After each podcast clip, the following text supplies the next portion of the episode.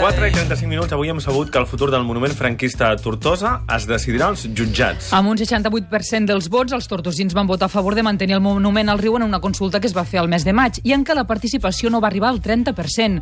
Però ara un jutge ha admès a tràmit una denúncia d'un advocat de Madrid especialitzat en memòria històrica i que ja ha portat als jutjats 21 monuments franquistes que s'han de retirar en aplicació de la llei de memòria històrica.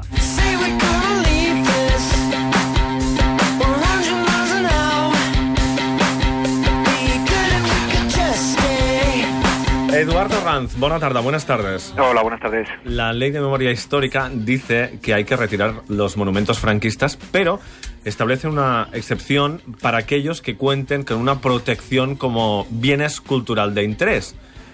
¿Y este es el caso o no es el caso del monumento de Tortosa?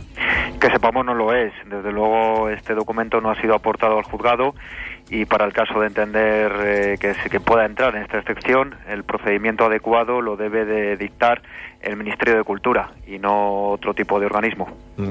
Escuche que nos dijo el alcalde cuando hablamos con él sobre este punto. En aquell moment, eh, l'Ajuntament el declara com a bé cultural d'interès local i la Generalitat de Catalunya tampoc no és per retreure res a ningú, governada pel tripartit, eh, conseller de Cultura d'Esquerra Republicana, conseller de Memòria Històrica d'Iniciativa i president socialista, ho eh, aproven definitivament. I aquesta declaració de bé cultural d'interès local la blinda de l'aplicació de la llei de memòria històrica?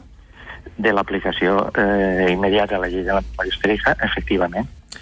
Él eh, nos dijo que el monumento había sido declarado bien cultural de interés local. Nosotros hemos consultado el catálogo de monumentos eh, del Ayuntamiento de Tortosa esta mañana, un catálogo que está publicado en su web, y dice en realidad que el monumento de la batalla del Ebro no es bien cultural de interés local, como nos dijo el alcalde, sino bien integrante del patrimonio cultural catalán, que, por lo que hemos leído en la ley, es un tipo de monumento que tiene una- un reconocimiento, una significación histórica o política, pero que no tiene una protección.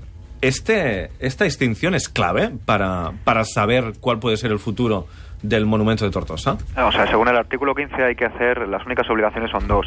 Elaborar un catálogo de vestigios, primera obligación que no se ha cumplido, y segunda su retirada, su redefinición, etcétera, etcétera. Segunda obligación que tampoco se ha cumplido.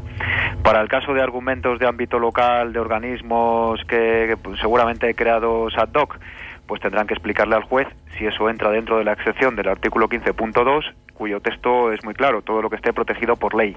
Desconozco si el organismo local tiene rango legal.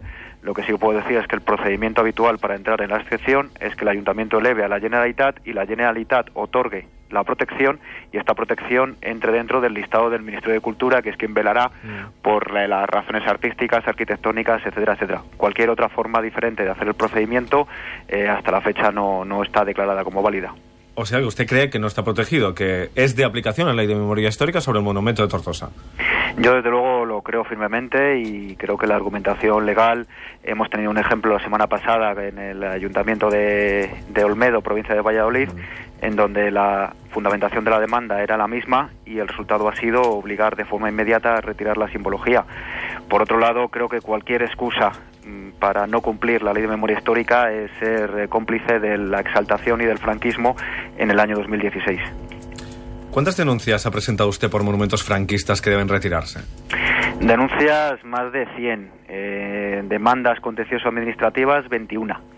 ¿Y de estas cuántos han- cuántas han sido admitidas a trámite? Las 21. Las 21. Perdón, 20. Hay una que todavía no he recibido la notificación, pero debe de estar viniendo porque ya digo que todas tienen la misma, la misma fundamentación. Y solo hay una sentencia firme sobre una de ellas. Solamente hay una que salió la semana pasada, pero también hay que decir que es que estas demandas se han formalizado eh, a finales de mayo, principios de junio, con lo cual ha ido muy, muy rápido. Eduardo, ah, tú eres joven, 31 años. eres joven. Ah, ¿Tienes precedentes en casa ah, con el tema del franquismo que te, que te lleve a, ser tan incisivo, afortunadamente para, para el país, ah, mucho más de lo que han sido todos los demás desde que se puso en funcionamiento esta ley que, que la gente se ha tomado a chirigota? ¿Tienes algún precedente en casa que te obligue a eso no? En, en absoluto. Ha sido algo, pues empecé a principio de noticias en prensa hace cuatro años, un artículo concretamente en el diario El País, luego empecé a tener contacto con, con asociaciones, con familias y lo que ya fue decisivo fue cuando tuve la suerte de, de ir a exhumaciones, a entrega de restos y sentí lo que se siente a pie de fosa. Ujú. ¿Y, y cuántas veces te han amenazado? Pues hombre, prefiero destacar lo bueno mm, que es eh, una multitud frente a lo malo que es una minoría y lo que ya fue excesivo se puso en manos de la Policía Nacional y quedó resuelto. Y Yo te doy las gracias, Eduardo, porque como idiota que soy y cobarde, eh, he dejado que... ¿Cuántos años han pasado desde que se puso en funcionamiento la ley? La ley el año que viene cumplirá 10 años. Pues de que se mearan encima de la ley eh, todos estos y los que mm, por inacción lo han dejado hacer. Y suerte que tenemos gente como tú que ha dicho que no. Gracias, Noy. Muchas gracias. Gracias, Eduardo.